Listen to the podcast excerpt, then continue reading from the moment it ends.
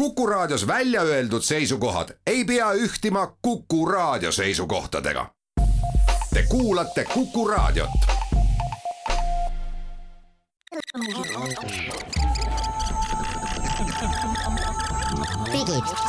digitund, digitund. tere, head Kuku raadio kuulajad, käes on äh, kahe tuhande kahekümne teise aasta esimene esmaspäev ja sellega seoses on eetris ka kahe tuhande kahekümne teise aasta esimene Digitunni saade. täna on saates täiesti uued saatejuhid. mina olen Andrus Raudsalu ja kui ma nüüd kellausuti liikumise suunas ümber laua hakkan saatejuhte nimetama, siis minust järgmine on Indrek Vaheoja. siis on Mait Tafenau ja lõpuks Kristjan Pillak ja meid kõiki ühendab see, et me oleme olnud suured Digitunni saate fännid aastate jooksul äh,. oleme olnud selle saate andunud kuulajad ja digimaailmas oleme me kõik tegutsenud ikkagi oma kakskümmend aastat vähemalt. nii et äh, anname siis tuld ja loodame, et, et meie mõtted ja ideed äh, kõnetavad ka teid plaanisime siis nii, et, et uue aasta esimeses saates,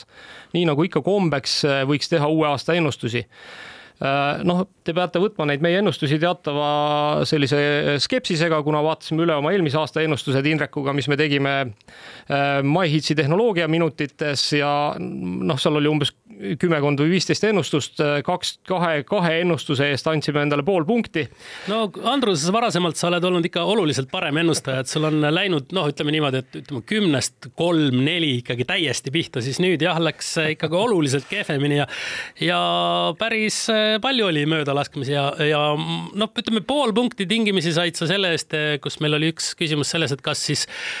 kumb konsoolisõjast võitjana välja tuleb, kas siis Microsoft või Sony ja no me siukse noh, tingimisi pool punkti selle Sony eest sulle andsime. ja kusjuures ega tegelikult see tingimisi pool punkti ju tuli selle eest, et Sony meeldib meile võib-olla natuke rohkem, sellepärast et kui päris aus olla, siis saada ei olnud kumbagi, selle tõttu ei olnud ka selge, et kes neist üldse võitja on. ja, ja väidetavalt vähemalt viimases kvartalis äh, müüdi Xbox'i seda siis lahjemat versiooni kõikidest konsoolidest kõige rohkem, aga noh, see põhjus muidugi seal taga oli see, et seda oli ainukesena rohkem saada. no sa pakkusid meile veel seal, et nutikõlaris hakkavad meil reklaamid kõlama, seda noh, ütleme tarbija seisukohalt õnneks ei tulnud. ja siis äh, oli veel ka selline, ütleme Netflixi ja Disney plussi omavaheline sõda või võitlus, millest sa muidugi lootsid, et äh, Disney pluss tuleb äh, vähemalt ütleme, jõuab meile Eestisse, et kas ja kui palju ta siin sellest võidab või mitte. aga noh, ega sellega ka vist ikkagi nii hästi ei läinud nojah, vot need on õnneks sellised ennustused, mida me vist tõenäoliselt saame aastast aastasse korrata mm. -hmm.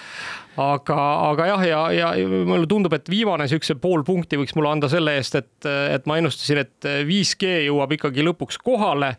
noh, kui nüüd päris aus olla, siis kohale ta ju jõudis, aga mitte päris see 5G, mis, mida me ootasime, et, et jõudis umbes niisugune poolik 5G, nii et, nii et ma arvan, et sellest pool punkti on aus. jah, aga ütleme nulli päris ei jäänud, sihuke enam-vähem terve punkt kokku aasta peale, see ei ole üldse paha ja ega ennustajatel ja selgeltnägijatel ka ei ole aastad vennad, et vahepeal läheb paremini ja vahepeal kehvemini, aga ma arvan, et nüüd võib hakata sind äh, otsast vaatama küll, et äh, mida siin järgnevaks aastaks äh, noh, ennustada ja pakkuda võib. vaatame jah, ja võtame selle aasta siis kuidagi niimoodi nagu võib-olla suurte teemadena kõigepealt ette, et, et, et mulle tundub, et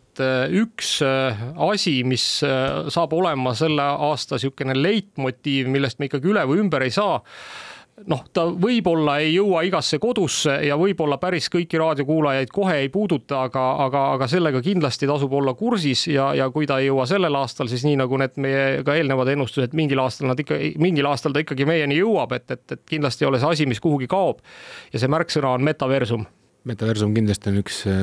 tõsine, tõsine teema, millest kindlasti rääkida ja inimesed järjest rohkem ju puutuvad sellega viisil või teisel kokku, aga, aga ma arvan, et mis on raske selle juures, on see, et inimesed tegelikult veel ei saa aru, mis asi see on, et, et kuidas me võiksime seda defineerida.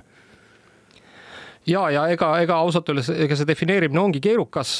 sellepärast et täna tõenäoliselt metaversumi all mõistetakse väga erinevaid asju et noh, kui nüüd Facebook, eks nii-öelda tõi selle metaversumi suure pauguga meile lauale, nimetades siis oma emafirma ümber Metaks ja, ja, ja teatades, et nad ongi tulevikus metaversumi firma, siis ega ausalt öeldes see on natukene selline noh, kuidas ma ütlen, et võib-olla tagantjärgi tarkus, et, et me tahaksime ka olla selles mängus tegijad, sellepärast et et noh, ütleme mingisuguseid selliseid me, muid metaversumi algeid noh, ütleme, et näiteks Sandboxi või Decentralandi näol on olnud juba ikkagi ka enne Facebooki olemas ja, ja, ja, ja see, mis, milleks, milliseks see metaversum kujuneb, eh, seda, seda me tõenäoliselt saame näha alles kolme kuni viie aasta pärast, et noh, kindlasti sellel aastal ei jõua meile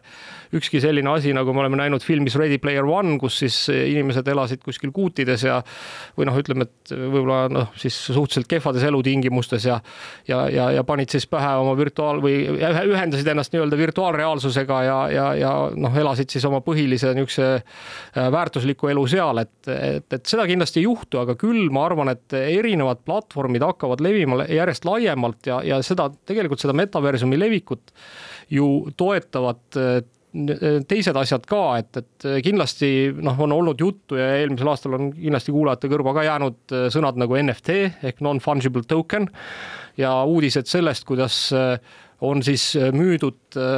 ülikallilt erinevaid digitaalse kunstteoseid Äh, on äh, noh, kindlasti äh, oleme me ju kõik uudistest kuulnud juttu virtuaalsest rahast. Ja, ja, ja, ja võib-olla üks hästi huvitav element, millest on mõnevõrra vähem juttu olnud, on niinimetatud DAO-d ehk digitaalsed autonoomsed organisatsioonid mis siis samamoodi põhinevad plokiahelal, kus siis noh, ütleme, et me võime seda iseenda jaoks kujutada ette mingisuguse kooperatiivina või, või, või noh, minu pärast ka äh, aktsiaseltsina, eks, et kus siis, kus siis selle seltsi osakud on nii-öelda tokeniseeritud, antakse nad siis välja inimestele ja, ja, ja, ja kogu siis selle nii-öelda struktuuri juhtimine käib siis läbi selle, et, et, et kellel siis kui palju hääleõigust on seoses sellega, et neil need token'id käes on aga ma arvan, et tegelikult siin veel kaks tuhat kakskümmend kaks jäävad enamik need metaversi asjad jäävad niisuguse eraldi silodesse tegelikult, et sul ei ole, sul ei ole seda, et sa saad äh, ühes, ühel platvormil midagi valmis ehitada ja jagada teisele näiteks, et et mina ehitan oma virtuaalse mõõga või maali või, või maja ja müün seda, müün seda näiteks äh, Maidule on ju edasi ja siis ta saab seda veel omakorda Andrusele müüa ja siis käib see nii, et äh, ma ei tea, see on Robloxis on ju, sealt läheb see mingisugusele järgmisele ahelasse, järgmise ahelasse järgmisele platvormile ja, ja aina kasvatab oma väärtust nagu füüsiline kinnisvara. Okei okay,, ma teeks siit ühe sammu tagasi, et, et prooviks nagu tavalisele inimesele ka selgeks teha, et millest me ikkagi räägime. no tavalisele inimesele ma ise segan nüüd ise vahele korra ja ütlen, et tavalisele Facebooki kasutajale, kes kasutab seda eh, vaatamaks, mis tal sõbrad teevad ja, ja kasutamaks siis Messengeri universaalse telefoniraamatuna, tema jaoks ei muutu mitte midagi, tema jaoks jääb ka see äpp jääb ju Facebookiks, et ega see äpp ei muuda ka oma nime nii et, et selles mõttes kõige lihtsamale Facebooki kasutajale ei juhtu mitte midagi absoluutselt ei muutu, aga vot siin on üks huvitav asi, et, et me peame meeles pidama, et Facebook ju omab ka sellist firmat nagu Oculus, kes siis valmistab virtuaalreaalsuse neid peakomplekte ja ma, mul on ka niisugune tunne, et me oleme siin erinevatel aastatel mitmeid kordi ennustanud seda, et noh, nüüd tuleb see läbimurde aasta, eks, kus inimesed panevad kõik endale need tuukrimaskid pähe ja ja, ja, ja siis lähevad kuhugi metaversumisse, noh, tollel hetkel küll me seda sõna metaversum veel ei teadnud aga ütlesime virtuaalreaalsusesse ja, ja, ja sellel aastal tegelikult üks oodatumaid tõenäoliselt eh, tehnoloogiavidinaid on siis, eh, nüüd on Oculus Questi asemel on selle asja nimi MetaQuest kolm. Ehk siis viimane Oculus peakomplekt teatavasti oli Oculus Quest kaks, nii et on välja tulemas siis MetaQuest kolm, mis, mis noh, ilmselt eh, Facebook ikkagi eh, pingutab selleks, et olla seal metaversumis kohal, aga, aga see on tõsi. Eh, nii nagu Kristjan ütles, et meil ei saa olema mitte üks metaversum, mida valitseb Facebook, vaid saab olema tõenäoliselt kümneid ja võib-olla ka sadu erinevaid metaversumeid ja, ja, ja, ja, ja täna see on, see on ka tõsi, mida Mait ütles, et nende vahel puudub tegelikult kommunikatsioonisüsteem ja teine on igatahes prillide osa hakkab äh, hästi palju mõjutama küll, et noh, täpselt, et äh, järgmise aasta üks või mitte järgmise, vaid isegi kaks, selle käesoleva aasta siis üks suuremaid ootusi on ka tegelikult Apple'i, Apple'i prillid, mis äh, kindlasti toovad neid prille aina massidesse juurde ja, ja neid lahendusi ja eks ta alguses ongi niisugune early adapteritele, et mängimise jaoks on ju, järgmiseks on erinevad meediaväljundid, aga ma arvan, et, et seda, seda nii-öelda ise selles maailmas sees olekut on veel vähem, et esimesed sammud, mis üldse tulevad, on niisugused AR lahendused on võivad tulla meediast hoopis, et äh, erinevad ülekanded, saated, kus äh, see klassikaline saatejuht mitte ei ole enam selle näiteks te telekapildi ees seal ekraani ees, vaid ta on sinna keskkonna sisse istutatud. Ja see hakkab, ma arvan, et kaks tuhat kakskümmend kaks buumima vaikselt ka Eestis. Ehk siis, kui ma praegu nüüd selle metajutu kokku võtan, siis esiteks me ennustasime seda, et virtuaalreaalsus hakkab uuesti meie juurde tagasi tulema, ehk siis tuleb äh, rohkem äh, võimalusi, rohkem vajadusi ja ütleme, see muutub meie jaoks mugavamaks. Mait teine..., ma, Mait, ma siinkohal isegi parandaksin, ma ütleks, et mitte virtuaalreaalsus, aga liitreaalsus. ma usun sellesse palju rohkem kui virtuaalreaalsusesse mm -hmm,. okei okay., ja see oli hea soovitus sul, see Ready Player One, eks ju, see film, mis kuidagi väga hästi seda kuidagi ajast etteruttavalt äh, on ilmestanud ja võib-olla lahti selgitanud, mis see olla võiks. aga teine pool, mis oli virtuaalmaailma nagu võib-olla siis kõige suurem puudus siiamaani. ehk siis kui ma täna ostsin endale isiklikult koju mingisuguse seadme, see oli minu seade. aga digitaalmaailmas meil justkui on ka samamoodi need asjad, aga nad on alati hästi olnud kopeeritavad ja nii edasi ja nüüd, mis meil nagu on muutunud ja mis seal metaversi nagu siis selle teine alussala on just need krüptograafilised vahendid, mis võimaldavad meil krüpti-, nagu digitaalset vara nagu omastada ja omandada niimoodi, et see on päris meie oma. et kõige rohkem tuntud asi selle alt on krüptovaluuta, eks ju, millest me räägime tihtipeale, Bitcoin ja Ethereum ja nii edasi, neid valuutasid on palju. aga suur trend on täna olnud see, et ka kõik, nagu ma juba varem Andrus mainis, kunst, eks ju, noh, pean silmas nii pilte, kõik teevad juba lugusid nendest ahvipiltidest, mida internetis väga kallite rahadest müüakse ja kes on juba palju raha nendega teeninud äh,. muusika ja kõik muu, eks ju, et ühesõnaga võtaks niimoodi kokku, et see metaverse ei ole mitte ainult see, et ma panen kiivri pähe ja näen midagi, vaid tekib tegelikult ikkagi nagu võimalus üldse virtuaalmaailmas või digitaalmaailmas varasid vahetada, omada ja hallata. aga tead, mis selle juures on veel eriti tore, on NFT-de juures? on see, et äh, kui sa oled selle ühe korra maha müünud näiteks kellelegi, siis sa hiljem järgmiste edasimüümistega iga kord hakkad veel komisjonitasu teenima. me teeme nüüd väikese pausi ja oleme siis uue aasta ennustustega hetke pärast tagasi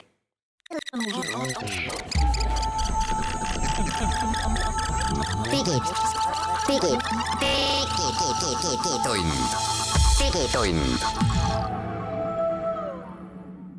head Kuku raadio kuulajad, Digitund on tagasi eetris ja jätkame uue aasta ennustustega ja pooleli jäime metaversumi arutelude juures. täna juba räägitakse nii-öelda Web kolmest Äh, mis siis Web kaks nullist erineb selle poolest, et äh, kui Web kaks nullis äh, piltlikult öeldes suurkorporatsioonid omasid veebikasutajaid, noh, Facebook omas meid, eks, müües meie silmapaare reklaamiandjatele, Google omas meid ja nii edasi, siis, siis Web kolmes on võimalik igal inimesel ise omada midagi ja see nii-öelda digitaalse omandi õigus käib sinuga alati kaasas, ükskõik kus sa siis oled ja aga kui me tuleme nüüd korraks äh, tagasi veel äh, siin äh, liitreaalsuse juurde, siis detsembris, siin detsembri keskel andis Nike teada, et nad on omandanud nüüd ühe uue siis noh, võib öelda siis virtuaalse tossu firma nimega RTFKT, mis siis reaalselt ei eksisteeri, nad on olemas ainult digitaalselt. Ja põhimõtteliselt on sellest uudisest teada andes Nike tõstnud selle Eh, se er, TFKT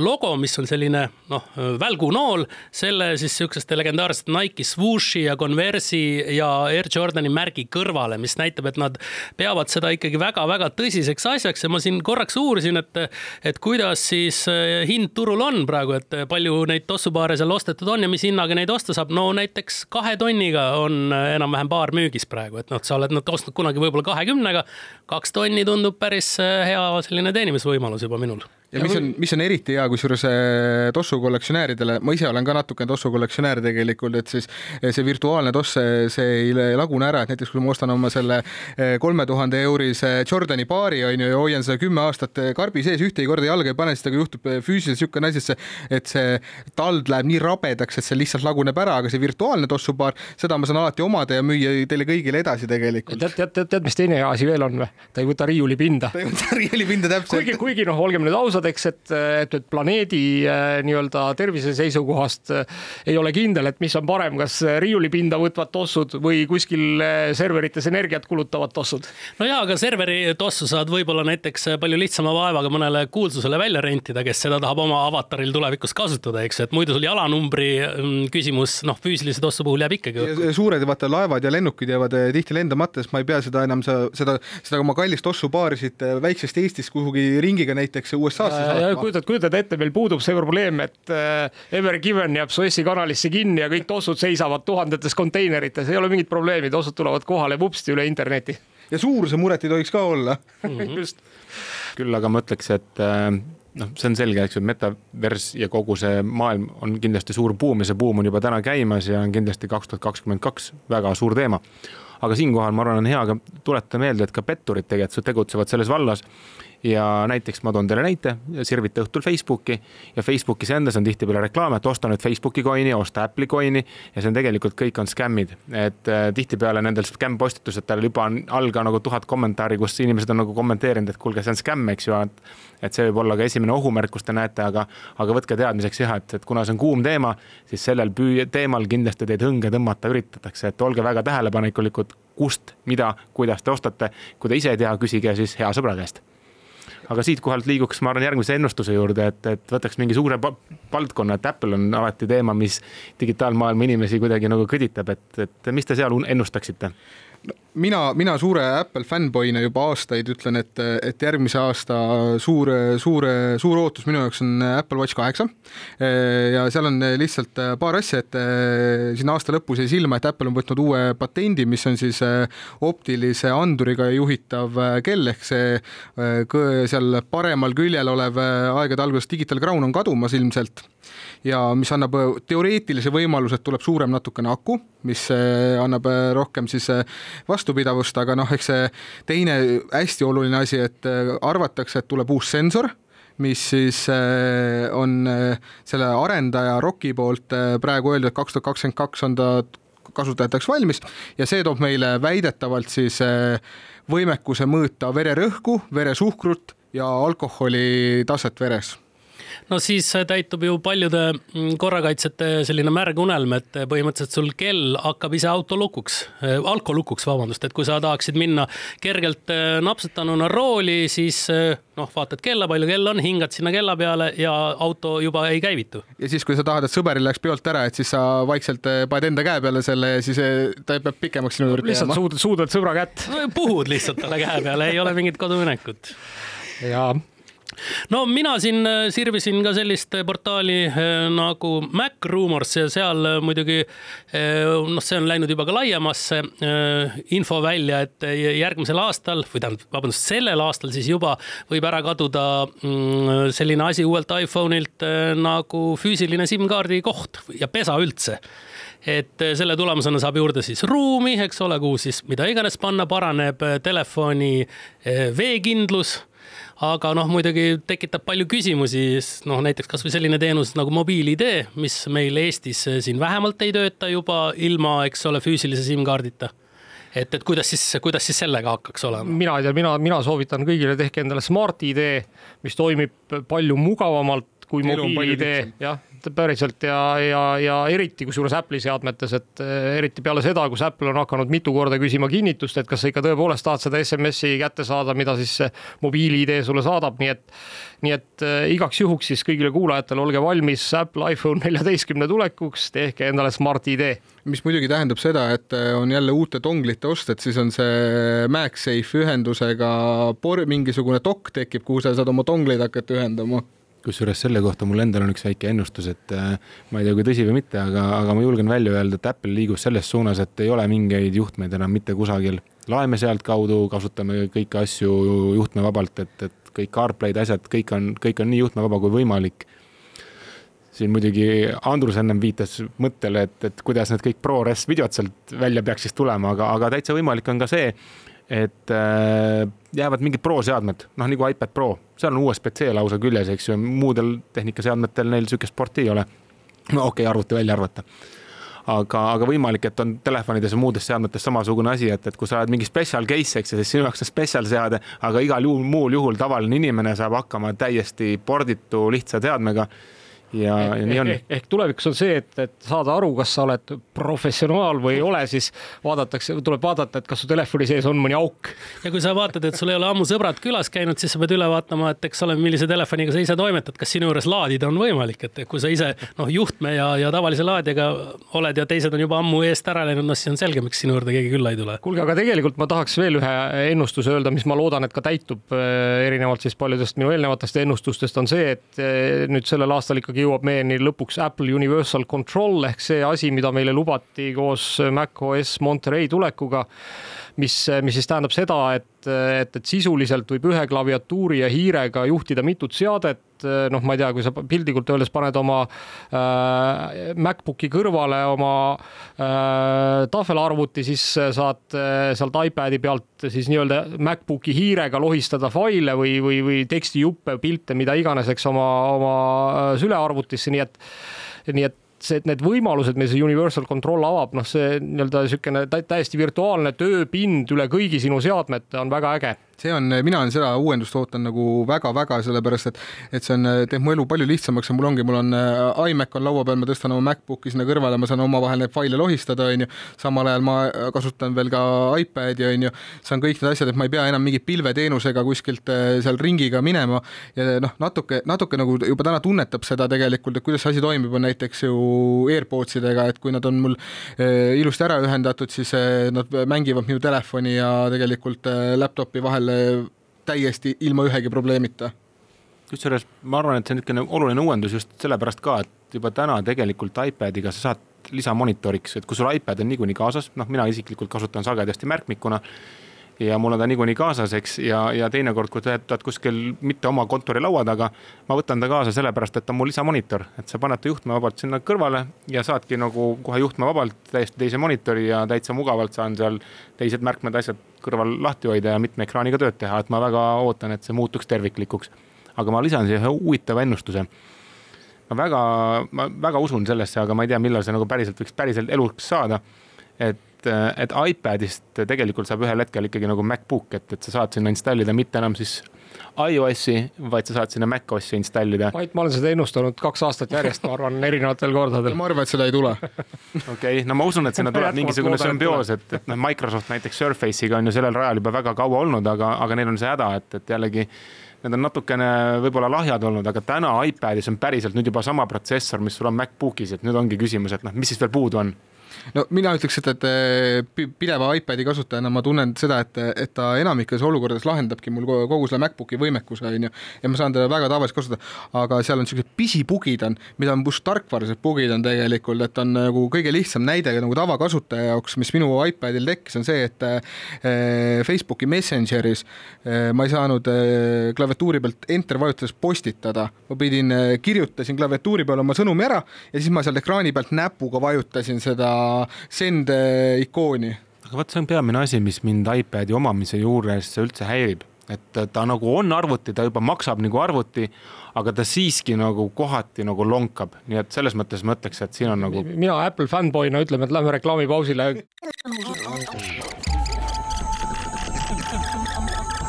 digid, digid, digitund, digitund digitund on eetris tagasi ja jätkame äh, käesoleva aasta ennustustega.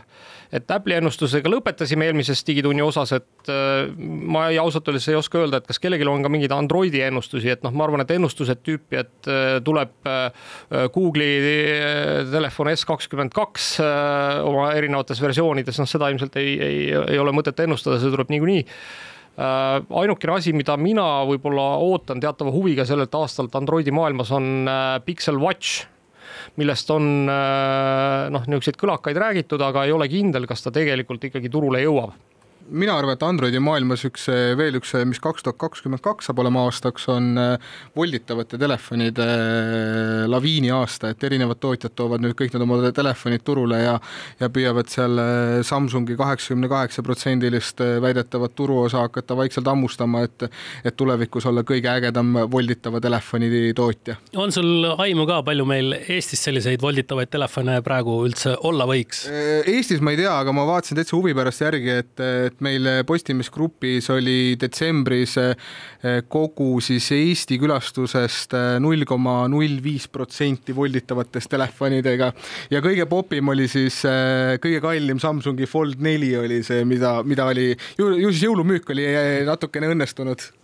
mulle tundub, et see on see koht, kus kõik tahavad olla lihtsalt edevad ja teha midagi, mis oleks äge ja meenutab natuke seda Nokia lõpuaega, et, et hullult taheti kogu aeg, et paneme teistsuguse tirina teisele telefonile ja oleme ägedamad, et see voltimine on sihuke asi, et kas see nagu päriselt on vajalik.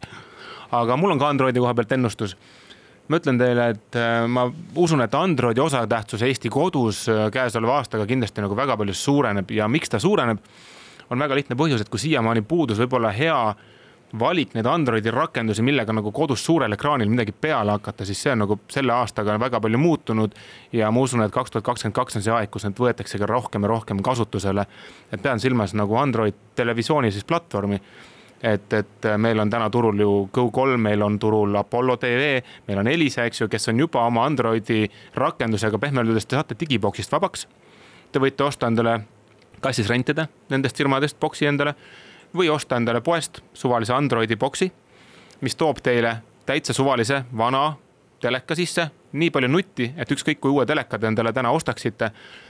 ikkagi on see kehvem kui see Androidi boks, sa saad seda juhtida oma telekapuldiga, vaadata kõiki oma lemmikkanaleid, kõiki neid tegevusi teha kust iganes, sõltumata sellest, kas sa nüüd oled kodus oma digiboksi juures või mitte. sa võid selle taskusse panna kaasa, võtta hotelli telekale järgi ühendada, et see kindlasti, ma arvan, kakskümmend kaks on see aasta, kus see jõuab rohkem ja rohkem meie kodudesse. Ma olen, ma täiesti pooldan seda, sest ma arvan, et, et, et vaadates, mis kasvõi meie operaatorite turgude, turul täna toimub, siis põhimõtteliselt vist praktiliselt kõik on juba Android tv eh, bokside peale läinud või minemas ja sa võid sedagi, et sa ei pea isegi seda enam kaasa võtma, seda boksi on ju, vaid sul ongi tegelikult rakendused ja ja ma arvan, et teine suur trend, mis on see, et, et enamikes kodudes, kes uuendavad oma tele, telekaid seal näiteks, eh, ka boksid kaovad täiesti ära lihtsalt. sest on uued telekad, kus ja, on Android platvorm juba sees, eks. sa lööd oma võrgukaabli sinna külge ja vaatad, eh, mida sa soovid sealt tegelikult, et sul ei ole vaja enam seda klassikalist vana boksi, mis, mis sul seal vahepeal tahtis tahtis trikke teha ka. Just ja, ja, ja ma ütleks seda, et mis on võib-olla ka oluline, mis, mis tänu siis nende just nimelt Eesti pakkujate äppidele on tekkinud, on see, et et sul on võimalik vaadata ka Eesti, Eesti filme, Eesti klassikalisi filme, Eesti dokfilme, näiteks uusi Eesti dokfilme väga tihti ikkagi noh, kinos lihtsalt ei näe, et neid on võib-olla üks-kaks seanssi äärmisel juhul ja noh, laia kinolevisse nad ei jõua. Kusjuures Eestis tehakse ikkagi näiteks dokfilme mingisugune viiskümmend, kuuskümmend tükki aastas ja mõned neist on väga ägedad. Äh, võidavad ka rahvusvaheliselt palju auhindu ja, ja noh, eriti mulle meeldib selles osas Apollo tv, kes on nagu võtnud selle Eesti filmide äh, justkui nagu lõpptarbijani toomise oma südameasjaks, nii et nende Eesti film, Eesti filmide filmiriiul on päris äh, aukartust äratav juba täna. muide, mis puudutab Apollo tv-d, siis peaks nendel nüüd ka kõikidele siis Apple tv fännidele rõõmu tegema, et peaks see äpp valmis saama nüüd selle aasta no ma ei tea, tahaks öelda esimeses kolmandikus vist kusjuures ma arvan, et see ongi üks huvitav asi, et kui me nüüd Apple'i juurde tagasi hüppame, et siis, et televisiooni valdkonnas Apple TV on tihti seade, millega tuttavad küsivad, et noh, mis ma sellega peale hakkan et noh, tõsi on, et ta on Eestis nii palju vähemuses täna, et enamus arendajaid eelistavad alati kõigepealt Androidi, sellega ühe arendusega saad sa lüüa ka tahvlid, telefonid ja muud Androidi seadmed. aga Apple'i puhul Apple TV-sse sa pead jällegi spetsiali selle arendama ja kuna seda massides on ka vähe, ta on küllalt kallis võrreldes Androidi boksiga, mis maksab alates kolmekümnest eurost kuni ütleme, kõige kallim variant on üheksakümmend. et, et Apple TV on kahesaja pluss juures, eks ju, et ta on ikkagi nagu, ta on kallis ja ta võib-olla ei ole nagu nii taskukohane siiani meie inimesele olnud. aga samas ma võin siis iseenda kodusest kogemusest rääkida, minu abikaasa on nii rahul ja nii lihtne, ütles, et pole tal mitte kunagi olnud kodus, kuidas kodust minna, ma ei tea, internetti teha seal erinevaid toiminguid põigelda seal erinevate voogedastusplatvormide vahel. Ja, ja ma küll ei näe praegu mitte mingit nagu varianti, et meil tuleks mingi teine seade selle asemele eks seal on vist see, et eh, mis, mis boksi sa esimesena oled võtnud, et, et eh, minul on mõlemad, et mul on nii Android tv boks kui on mul ka Apple tv, et, et eh, Android tv mul lihtsalt jäi ühele telekale külge ja nüüd ma olen seda enda koduses kabinetis juba pikemat aega kasutanud. ja see on samamoodi, see ongi niikuinii nii lihtne, sul on nagu ühe nupuvajutusega ükskõik millisest ma tahan, kas ma vaatan seal Apollo tv-st, vaatan sealt mingisugust kanalit, vaatan mingit filmi, samal ajal ma võin minna näiteks Jupiteri vaadata sealt arhiivist midagi, on ju, samal ajal võin võtta mingi Curiosity stream'ist mingisugused välismaa dokfilmid filmid, et valikut on nii palju ja see on nii odav ja nii lihtne juba täna tegelikult. lisaks saab teha oma telekast mängukonsooli, eks ju, et lihtsamaid mänge saab ka seal mängida, et kes tahab. Kuule, aga, aga lähme selles mõttes äh, hüppame teemadega edasi, et äh, ma pakuks välja, et kuna sa juba oma kodu office'it mainisid, et, et siis ma ühe kindlalt äh, selge trendi, noh, mis, mis täiesti kindlasti juhtub, ma olen selles täiesti kindel, tooks kindlasti välja, et, et, et kõik need virtuaalsed kaugtöölahendused, mis meil on olnud, Zoom'id, Teams'id ja nii edasi, muutuvad nagu ikkagi kordades ja kordades nutikamaks ja, ja, ja ma arvan, et aasta lõpuks vähemalt keegi neist tuleb välja ka sellise lahendusega, et sul on sisuliselt oma nii-öelda produktsiooni väikene pult kodus, kus sa siis saad noh, ma ei tea, panna endale alla, kui sa soovid äh, subtiitrid äh,, kui sa soovid, siis võid äh, noh, teha sinna nii nagu telekas näidatakse alla nimesid, tiitleid ja midagi muud. ja, ja kindlasti, mis juhtub, on see, et, et, et, et need imelikud background'id, noh, mis siis, kui pead liigutad nagu lõikavad sul poolt pead, poolt pead otsast ära, need kaovad ära, et, et tulevad täiesti korralikud lahendused ja, ja, ja teiselt poolt, mida see tähendab, et, et, et, et see nii-öelda kontoritest kodudesse liikumine toob äh, kindlasti kaasa ka palju suuremad äh, turvariskid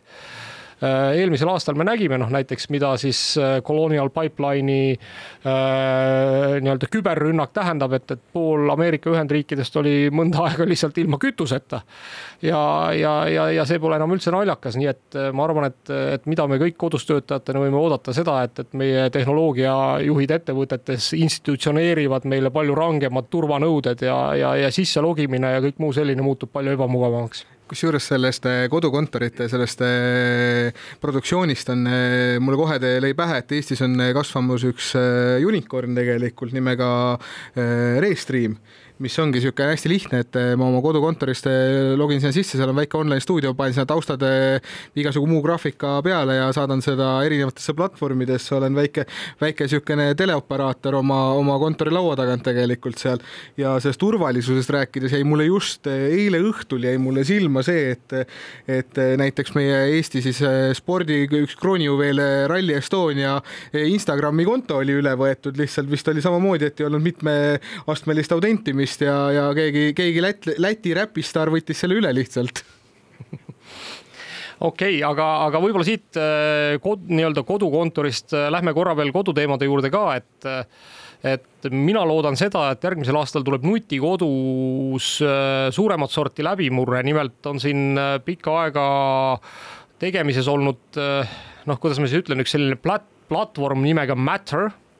mis, äh, mille mõte on siis see, et kõik need erinevad tehnoloogilised vidinad, mis nutikodudes täna juba on ja mis kasutavad erinevaid platvorme ja on äh, täiesti erinevad tehnoloogilised lahendused, panna omavahel rääkima.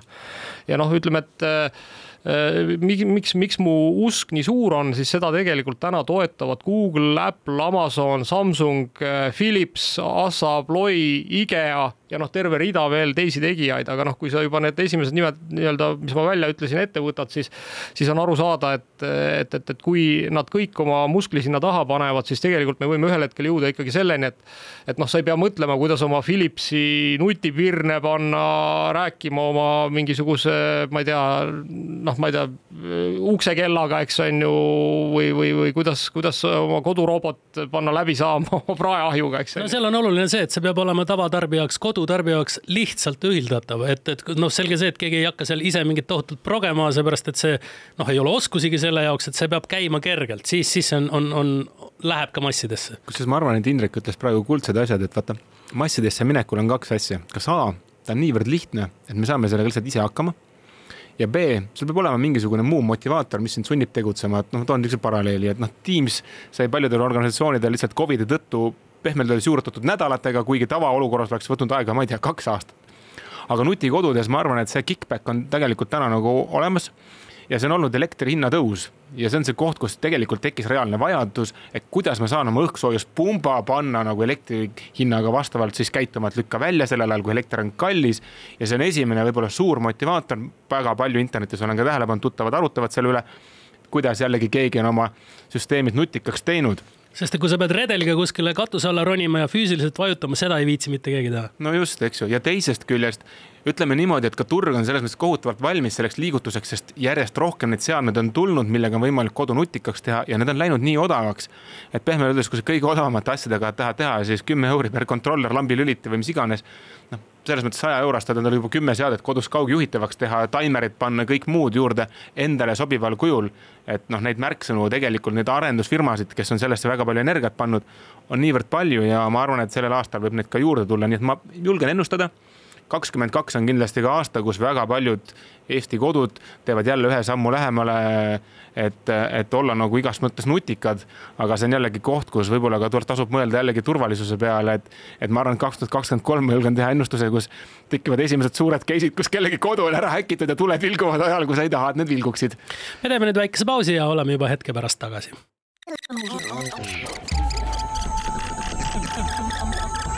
digid, digid, digitund, digitund Äh, oleme jätkuvalt eetris ja lõpetasime nutikodu teemadel. ma ühe väikse märkuse tahaks nutikodude osas veel teha, et eelmine aasta tõi meile sellise äh, naljaka looma nagu Amazon Astro, mis on siis kodurobot, kes äh, kodus ringi rullib ja ja noh, ütleme suuremas osas vist tegeleb kodu valvamisega ja nii nagu tegelikult Amazon tõi meile ka nutikõlarid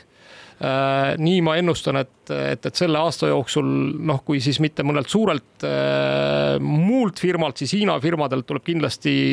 pinutäis koduroboteid.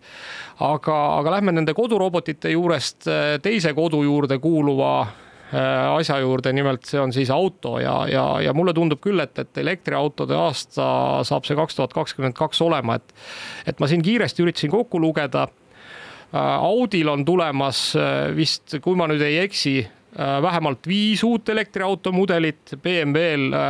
vähemalt kolm, Mercedesel vist seitse. Volvol vähemalt kaks, Volkswagenil kolm, ei, vabandust, mitte kolm, vaid viis. Porschel üks ja noh, siin on äh, riburada kõikvõimalikke teisi veel ka noh, ütleme siis mittetraditsioonilisi autotootjaid, kes oma uusi elektriauto mudeleid välja toovad. et, äh, et tõenäoliselt on, on see aasta ikkagi elektriauto massidesse minemise aasta. Kusjuures see on selles mõttes ka nagu minu arvates põnev hetk, et äh, me kindlasti hakkame tänaval nägema rohkem niisuguseid tundmatuid brände, et me oleme väga harjunud ära, et aastakümneid on meil siin tänavatel Toyotad, Audid, BMW-d, Chryslerid, eks aga ma arvan, et see kakskümmend kaks, kakskümmend kolm võib-olla kätte, sest paljud on alles arenduses, aga, aga täna vaadates, mis maailmas no, ka börsil toimub, siis väga palju on investeeritud ettevõtetesse, mille nimesid me ei ole varem kuulnud ja kellelt samuti on elektriautosid tulemas. et ma arvan, et kindlasti meie nagu auto brändi hulk, mida teie lapsed peavad siis kõik selgeks õppima, eks mm. -hmm. et nende hulk kindlasti nagu kasvab aga kuidas selline ebaseksikas probleem nagu kiibipuudus äh, meil sellel aastal elektriautosid mõjutab ja nende tootmist, sest et noh, siin traditsioonilised äh, autotootjad on no ikka kõvasti hädas olnud ja kuni selleni välja, et umbes teatati, et, et uued BMW-d lähevad vabrikust välja niimoodi, et nende suured äh, keskkonsoolid noh, ei tööta niimoodi, nagu nad peaksid. enne kui tuleb siis kiibiga täiendus no noh, nii nagu sa ütlesid, et ega ta ju lõppkokkuvõttes mõjutab kõikide autode tootmist, on ju, et ega me ju ammu ei sõida enam selliste autodega, kus on noh, mida vanasti nagu, nagu me vanasti teadsime, mida sai Kuvaldaga hästi parandada ja noh, kus ikkagi ainukene elektrooniline või noh, ütleme elektriline süsteem oli süüteküünlad, et, et, et, et selles mõttes ma arvan, et see kiibi eh, nappus ikkagi puudutab absoluutselt kõiki autotootjaid, ükskõik, kas nad on siis elektri, bensiini või diisliautod kaks tuhat kakskümmend kaks võib öeldagi, et kõige kindlam ennustus, mida üldse teha, on see, et äh, kiibipuudus jätkub ja aina süveneb tegelikult, et et seda igas sektoris, mitte ainult autod, vaid äh, ükskõik, mida me tahame, kõik meie ümber, mis on elektrooniline, tekitab seda. kusjuures see on üks koht jällegi, mulle meeldib vahel ka nende probleemi ja taustakülgesid analüüsida ja ma arvan, et kakskümmend kaks on ka see aasta, kus järjest rohkem inimesi hakkab märkama neid kohti, kus elektroonika võib alt vedada, et, et ma juba täna oma autolgi olen teinekord noh, mitte teinekord, üldse harva on see olukord olnud, aga on juhused olnud, kus pead süüte välja keerama ja tagasi panema, et sul kõik see asi ellu ärkaks, eks, ja mitte ainult minul, vaid noh, olen veel tuttavatega rääkinud erinevate brändidega, kus siis üks või teine tehnoloogia ei ole enam nii töökindel, et noh, mehaaniliselt oli asi lihtne, et see lihtsalt käis või ei käinud, eks ju, noh, elektroonikaga võiks ka nii olla, aga kuidagi see paljusus ja nende süsteemide omavaheline suhtlemine võib tekitada, teinekord tekitada olukorra, kus need asjad enam nii sujuvad ei ole, nii et ma ütleks, et, et kindlasti nagu probleemid, mida me kohtame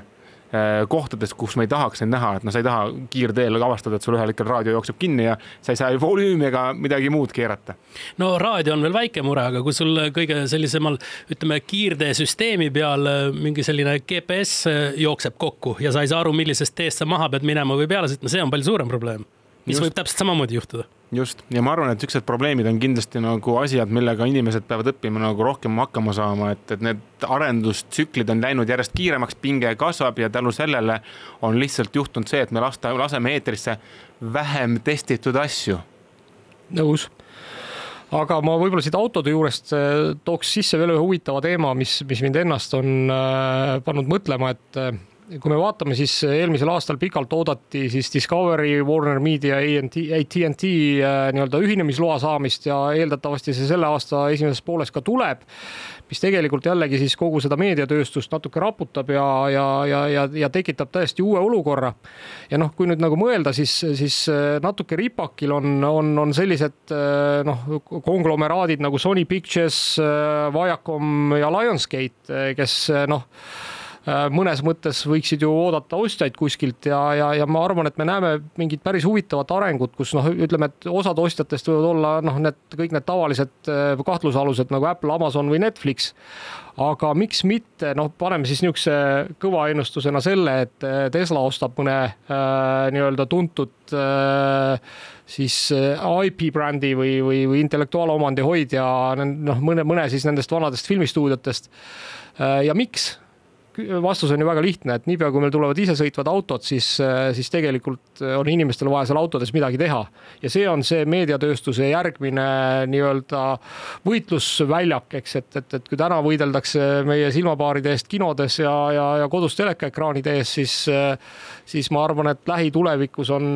need autode meediaekraanid need kohad, kus see võitlus hakkab käima. ehk et kaks tuhat kakskümmend neli näiteks, kui peaks tulema Apple Car välja, et siis millel ei ole, ei ole ei pedaale ega roole, et siis sa saad saad seal äh, rahulikult äh, vaadata näiteks, äh, ma ei tea, Avengeri järgmist osa või mingisugust,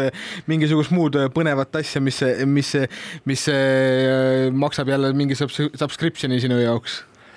Kuulge, aga võtame, võtame äkki mingisugused siuksed Telegrami stiilis lühemad ennustused ka, et, et mina ennustan seda, et SpaceX-i ja Blue Origini kõrvale tekib veel üks arvestatav kosmosefirma. Äh, ja ma tean näiteks juba täna, et, äh, et Relativity Space, äh, kes valmistab siis 3D prinditud raketi Terran üks, kavatseb järgmisel aastal esimese Terran ühe siis ka kosmosesse lasta. Ja teine väga huvitav firma, keda ma jälgin, on Ameerikas siis nimega Spin Launch Äh, kes ehitab siis sellist satelliitide noh, kuidas ma siis ütlen, kosmosesse saatmise süsteemi, mis ei põhine rakettidel, vaid mis põhineb niisugusel hästi suurel tsentrifuugil. ehk neid keerutakse noh, nii nagu vasaraite keerutab oma vasarat ja siis ühel hetkel, õigel hetkel lastakse lahti ja siis nad lendavad juhti kosmosesse, nii et. nii et ma arvan, et, et, et, et ka selles kosmosetööstuses saab olema päris huvitav aasta mina ennustaksin, läheksin kosmost hoopis eh, maisemate teemadeni, mida, mida paljud tavatarbijad vaatavad, mina ütlen, et Ethereum kaks punkt nulli kaks tuhat kakskümmend kaks ei tule veel ja Ethereumi enda hind saavutab kümme tuhat dollarit. No kui me krüptoraha juurde siin juba jõudsime, siis mis te arvate, kuidas läheb noh, ütleme sihukest suurte riikide äh, Äh, ja, ja krüptosuhetel, et hakatakse ilmselgelt äh, seda maailma oluliselt rohkem reguleerima kui siiamaani. ja ma olen täiesti kindel, et äh, Ameerika Ühendriikides täna juba tipp-poliitikud mõtlevad selle peale, ma arvan, et kõik on aru saanud, et krüptomaailm ei kao kuhugi, et ta on siin, et jääda ja noh, ma pigem loodan seda, et sealt hakkab nüüd siis tulema ka sihukest noh, nii-öelda positiivset, positiivset regulatsiooni. sest üks asi, mida ju tegelikult kogu krüptomaailm ootas pikisilmi, oli see, et et äh, selle aasta lõpp, äh, vabandust, eelmise aasta siis lõpus äh, pidid ju turu, turule tulema esimesed Bitcoini fondid, mis on siis börsil kaubeldavad